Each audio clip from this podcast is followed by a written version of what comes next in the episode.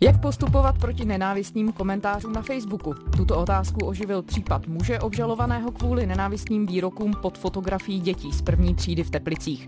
Soud ho nepravomocně zprostil obžaloby. Po odvolání státního zástupce ale kauza nekončí. Jak se účinně bránit nenávisti na internetu? Kde je hranice mezi svobodou slova a cenzurou? Je úterý 18. června, tady Lenka Kabrhelová a Vinohradská 12, spravodajský podcast Českého rozhlasu. My máme nějaký právní předpisy a nějaký ústavní principy mimochodem. Dlouhou dobu panoval dojem, že internet je něco jako divoký západ, kde žádné právo neplatí. A posledních 5-6 let vidíme ten razantní nástup orgánů trestního řízení a policistů a soudů do tohohle prostoru. To se netýká jenom nenávistných příspěvků. Josef Šlerka, analytik nových médií, vedoucí odboru studia nových médií na Filozofické fakultě Univerzity Karlovy a také ředitel nadačního fondu nezávislé žurnalistiky. V tuhle chvíli jsme svědky toho, co zákonitě přichází s každou technologií, která je tak masově rozšířená. Totiž, že ona při svém nástupu trošičku předběhne společenské normy, právní normy často a ta společnost potřebuje sérii otřesů, krizí, takových událostí, aby se naučila s tím žít mě podsouváte eh, něco, co jsem tak nemyslel. Jako. Když si to tak vysvětlujete, to je přece váš problém a ne můj. Jako. Já jsem to tak nemyslel a jako, jestli vy jste v tom viděl nějakou chybu, tak ta chyba není u mě. To, vy si to špatně vysvětlujete.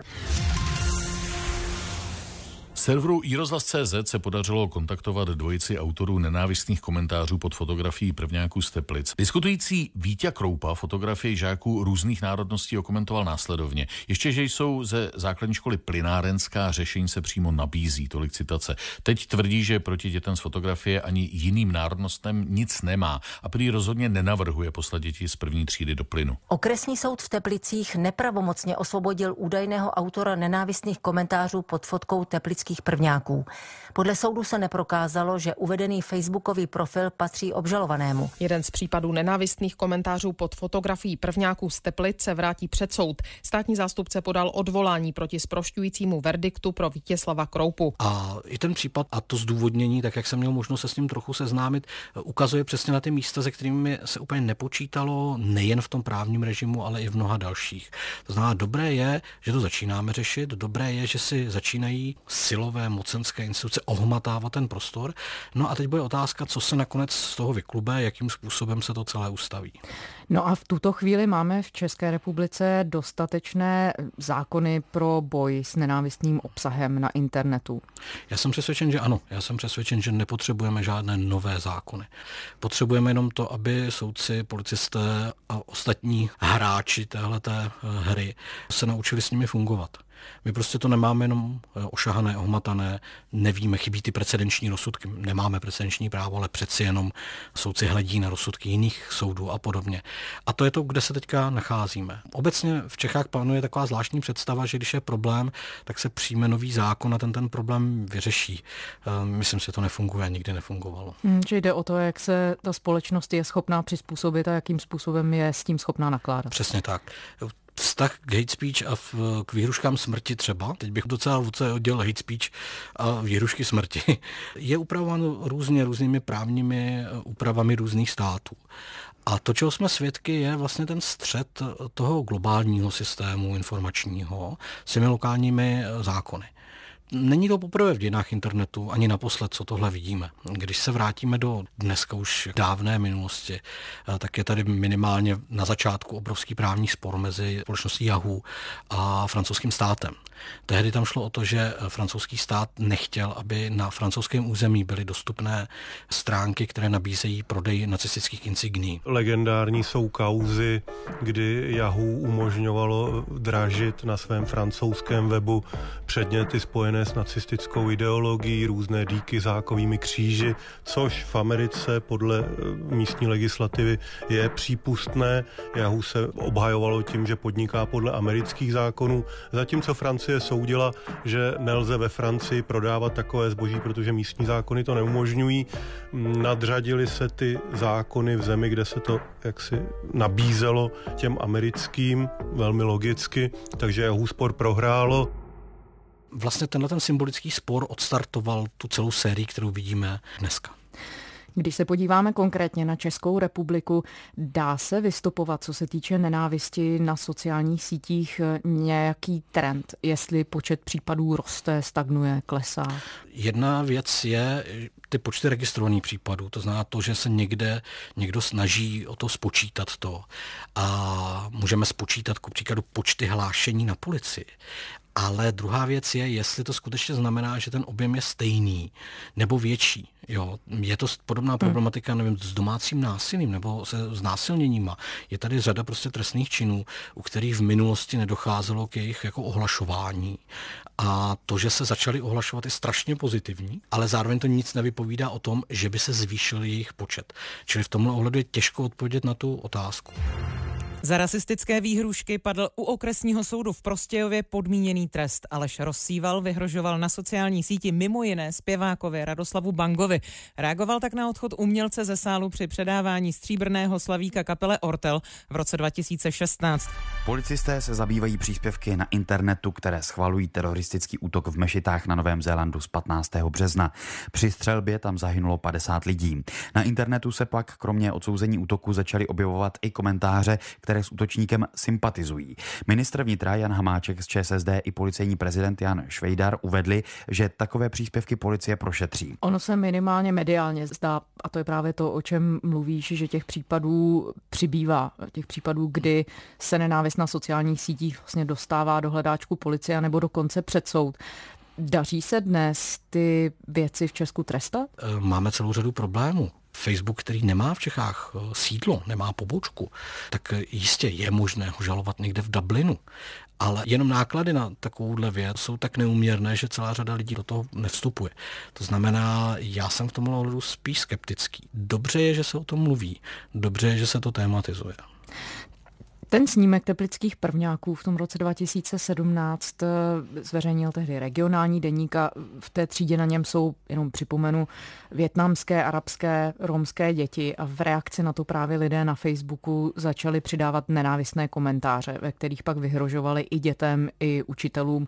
Když se podíváme obecně na to, jak velkou váhu nebo jak velký efekt ty nenávistné komentáře mají, je potvrzené, že nenávist z toho virtuálního prostoru se opravdu může přenést přenést do reality? Tak známe spoustu experimentů z 60. 70. let. It is May 1962. An experiment is being conducted in the Elegant Interaction Laboratory at Yale University které ukazují, že jakákoliv vlastně slovní agrese nebo to takzvané dehumanizování lidí, to, že jsou označováni za zběř nebo že si nezaslouží, aby žili, vede reálně k tomu, že lidé, kteří s nimi nějak přicházejí do styku, se potom chovají výrazně agresivněji a hruběji. This one will be 195 volts. The correct one. Let me out of here. Slow. Dance. Let me out of here. My heart bother me jsou to slavné experimenty se studenty a elektrickým proudem, kdy jak si trestání lidí, o kterých člověk jenom zaslech, že je to úplná zběř, tak lidé jim dávali mnohem větší elektrošoky. Podotýkám, nebyly to skutečné elektrošoky, ale oni to nevěděli. A to znamená, že víme, že tam tahle ta věc je. A ta dehumanizace v tomhle ohledu prostě nahrává k tomu, že ti lidé ztrácejí pro nás tu hodnotu těch lidských bytostí. That is incorrect. This will be at 3.30.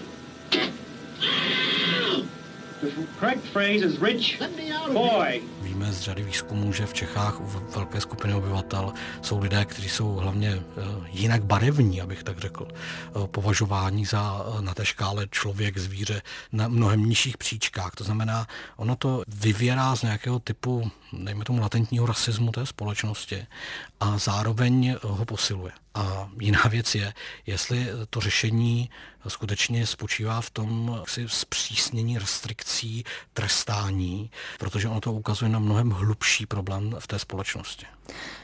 To jde k další otázce, kde je ta hranice od kdy máme zasahovat proti těm případům, protože ty už si to zmiňoval, že vlastně každá země eh, to má nastavené trochu jinak. Máme nějakou obecnou odpověď? V okamžiku, kdy jsou tam přítomné výhrušky smrtí, není o čem diskutovat. V tu chvíli se má nějakým způsobem jednat. Jo. Čili tam je ta hranice minimálně v tomto místě. A, a pak by byl ale zase velmi opatrný, jak zacházet s tím zbytkem. Já si osobně myslím, že ten střed mezi svobodou projevu a jejím omezením kvůli zásahu do jiných svobod je zapotřebí vždycky bedlivě znovu a znovu posuzovat, protože na druhou stranu ta svoboda projevu je jeden z toho, co nás odlišuje od autoritářských systémů kdekoliv po světě. Ty jsi zmiňoval v úvodu to americké pojetí, s jakým Spojené státy přistupují vlastně ke svobodě projevu, což je odlišné než třeba Evropa. Ale ani v tom americkém prostředí ty výhrušky smrtí nejsou mm. v pořádku, jo? jenom aby jsme si neříkali jako... Abychom se netvářili, že nemůžou být postihované. Já jsem se chtěla ptát hlavně eh, na to, jestli se nějaký z těch přístupů ukazuje být jako funkčnější. Mhm. My máme trošku představu o světě, že eh, je složen z takových samostatných nástrojů a my se vždycky zamyslíme a vybereme si ty nejlepší nástroje a sestavíme z toho ten nejlepší stroj. A ono to takhle nefunguje. Ty postupy jsou součástí nějaký kulturní tradice a právní tradice těch jednotlivých zemí. A nelze je si z toho vyzobávat a jenom tak je přenášet do jiných právních režimů. Protože to k ničemu nevede. My musíme hledat nějaké inspirace tam, kde je to kulturně blízký tomu našemu prostředí a zároveň něco, co nepřichází nějakými radikálníma změnama v tom právním režimu. Protože když eh, nebudeme tohleto ctít, tak vlastně budeme vyvolávat jenom další konfliktnost té věci. Zkusím dát příklad. Ve Francii je silná tradice republikánství. Eh, to znamená, přeci jenom nad všemi politickými spory stojí ta republika kdyby jsme vzali některé právní úpravy, které s tím souvisejí, eh, tak by Češi koukali jak puk. Proč? To vůbec tady nemá žádnou tradici.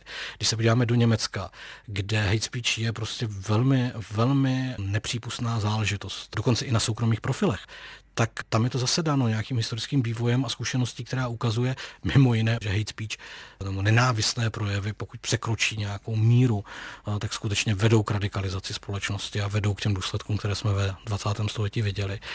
Tak tam je nějaká kulturní tradice toho, proč se to takhle tvrdě jak se zjednává. Internetové sociální sítě musí v Německu odstranit protiprávní obsah do 24 hodin anebo čelit pokutám.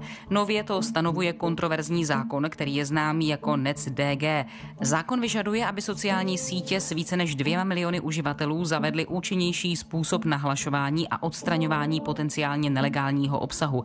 Předpis se vztahuje na Facebook, Twitter, Instagram, Snapchat a YouTube. Netýká se ale profesních sítí jako LinkedIn a Xin ani aplikací k odesílání zpráv jako WhatsApp. Pokud firma nahlášený příspěvek do 24 hodin nesmaže, může jí čekat pokuta až do výše 50 milionů euro. Čili bránil bych se trošku té představy, že si někde vyzobnem to univerzální řešení.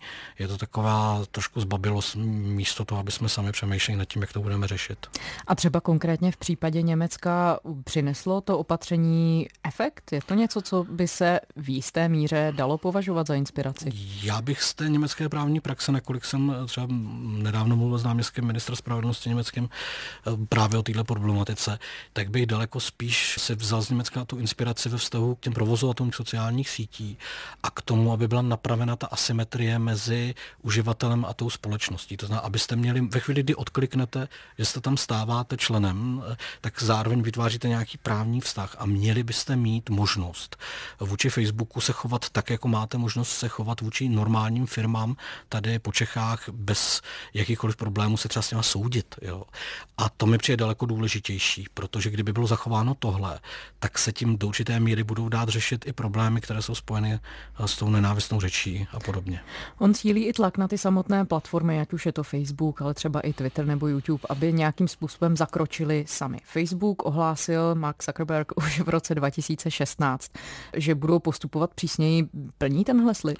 Já si myslím, že se velmi snaží, ale zároveň zároveň vlastně naráží malinko na to, že jejich vztah ke světu je vztah inženýrů. Uh, oni mají pocit, že existuje nějaké řešení pomocí nástrojů a, a pravidel, který jim ten problém vyřeší.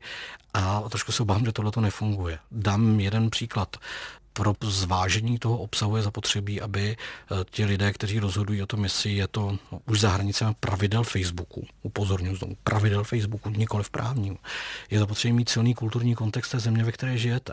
Přeci jenom si přiznejme, že český humor a kauza oprázků je úplně ukázková. Já bych začal tou aktualitou. Před malou eh, chvílí byla obnovena stránka Facebooku eh, oprázků. Co se přesně stalo? Co bylo tím důvodem, že byla vlastně vůbec stránka zablokovaná a teď je tedy opět obnovena. V začátku je vlastně jenom jedna, je, je jeden oprásek, eh, který se věnoval uh, Josefu Tisovi. Byl na něm Josef Tiso s Adolfem Hitlerem, kteří měli jistou konverzaci. A, a pokud jste sice Čech, ale žijete v Dublinu už dlouhou dobu a jste obklopen hodnotově, dejme tomu velmi jako liberálním prostředím, který jak si má inkorporovaný ten americký způsob eh, vztahu k liberalismu, no potom na některé věci prostě reagujete jinak, než reaguje ten domácí uživatel. Takže už jenom třeba v tomhle drobném detailu já si trošku myslím, že se jim to jako nepovede. Hmm, jak to vlastně fyzicky funguje? Jak to vypadá? Sedí někde armáda lidí, která hmm. kontroluje co se na Facebook dostane? Nakolik jsem měl možnost pochopit ten systém, ale prosím pěkně, ať mě posluchači neberou úplně za slovo. V zásadě je to systém několika stupňový, ve kterém uh, ti uživatelé nahlašují nějaký příspěvek, je tam nějaká algoritmická kontrola, je tam nějaký člověk, je tam nějaké ověření. Uh, ve finále nakonec vždycky u těch sporných případů rozhodují lidé. Delete. Delete. Žijí na Filipínách, jim kolem 20 let, sedí u počítače a na základě několika denního tréninku rozhodují o tom, jestli smí videa nebo fotky ze Sýrie, Česka, Spojených států nebo třeba Chile zůstat přístupné pro uživatele sociálních sítí.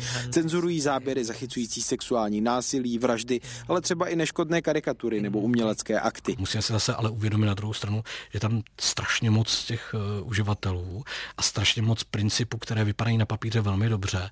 Potom v tom skutečném provozu jsou dvoj dvojznačné. Jeden příklad za všechny. Dětská nahota.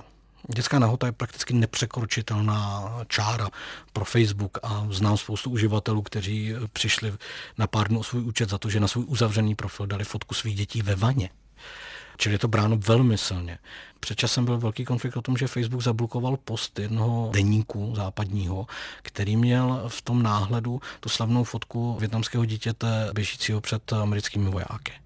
Protože dětská nahota. A teď baborať. Debatu na sociálních sítích vyvolal zásah americké společnosti Facebook. Norská premiérka totiž na svůj profil spolu s dalšími uživateli sdílela slavnou fotografii z války ve Větnamu, na které plačící děti utíkají před napalmovým útokem. Facebook ale všem snímek smazal kvůli tomu, že zobrazuje nahotu.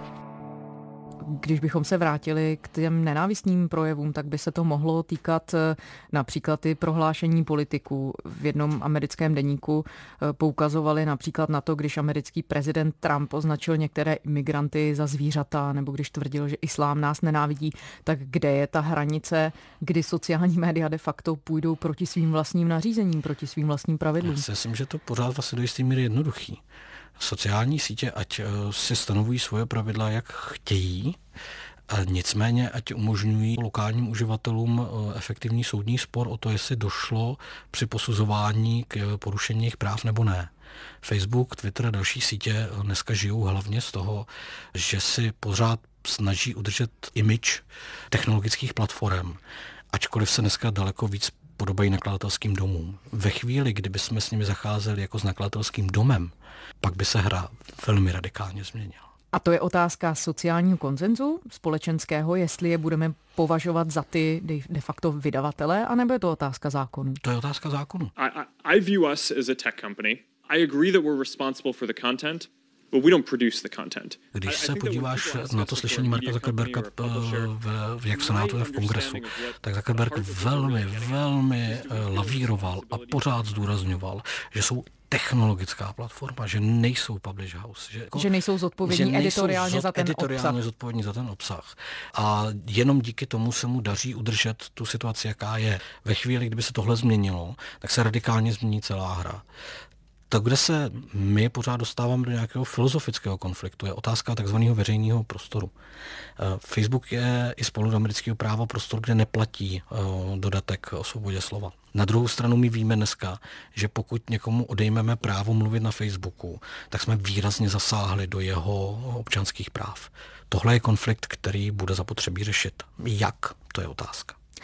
Zuckerberg byl eh, terčem kritiky i kvůli těm algoritmům, které si zmínil. Eh, je dneska už jasnější, jakým způsobem by Facebook měl upravit nebo neměl, nebo je to vůbec něco, do čeho si zvenčí je vidět? Eh, problematika algoritmů, který nám ukazují ty příspěvky, které vidíme, je sice neuvěřitelně zajímavá na filozofickou debatu, ale je naprosto nesmyslná vůči právu. Problém je, že my se můžeme bavit o tom, jakým způsobem může Facebook ovlivňovat veřejný mínění. Třeba tím, že něco zobrazí, něco nezobrazí. To je krásná debata, můžeme se bavit o jeho společenské odpovědnosti. Ale ve vztahu k tomu komentáři, který tam někdo napíše, ve vztahu nějaký vyhrušce smrti, která se tam objeví, je to úplně jedno. Úplně. Jakmile to v tom prostoru jako je, tak to existuje. Já jsem zmiňoval toho náměstka ministra spravedlnosti. Já jsem mu vysvětlil, že třeba v český vztah eh, hate speech je úplně jiný a že spousta věcí, která v Německu jsou běžná, by v Čechách byly považovány za velmi jaksi obhroublý zákrok do svobody slova.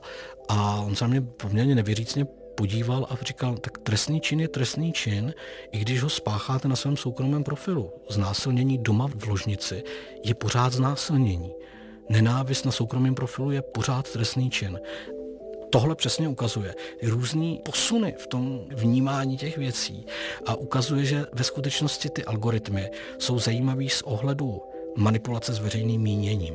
A teďka manipulace neutrálně. Opravdu nějakým způsobem měnění. Otázka to je, nakolik je to umyslný, neumyslný a tak dále. To nechme pro dnešek asi úplně stranou. Ale mezi tím prostým faktem, algoritmus, nealgoritmus, když tam napíšete, já pana Nováka zítra zabiju, tak je jedno, jestli ten algoritmus to někomu ukázal nebo ne. Josef Šlerka, vedoucí oboru studia nových médií na Filozofické fakultě Univerzity Karlovy a také ředitel nadačního fondu nezávislé žurnalistiky. Děkujeme. Děkuji za pozvání.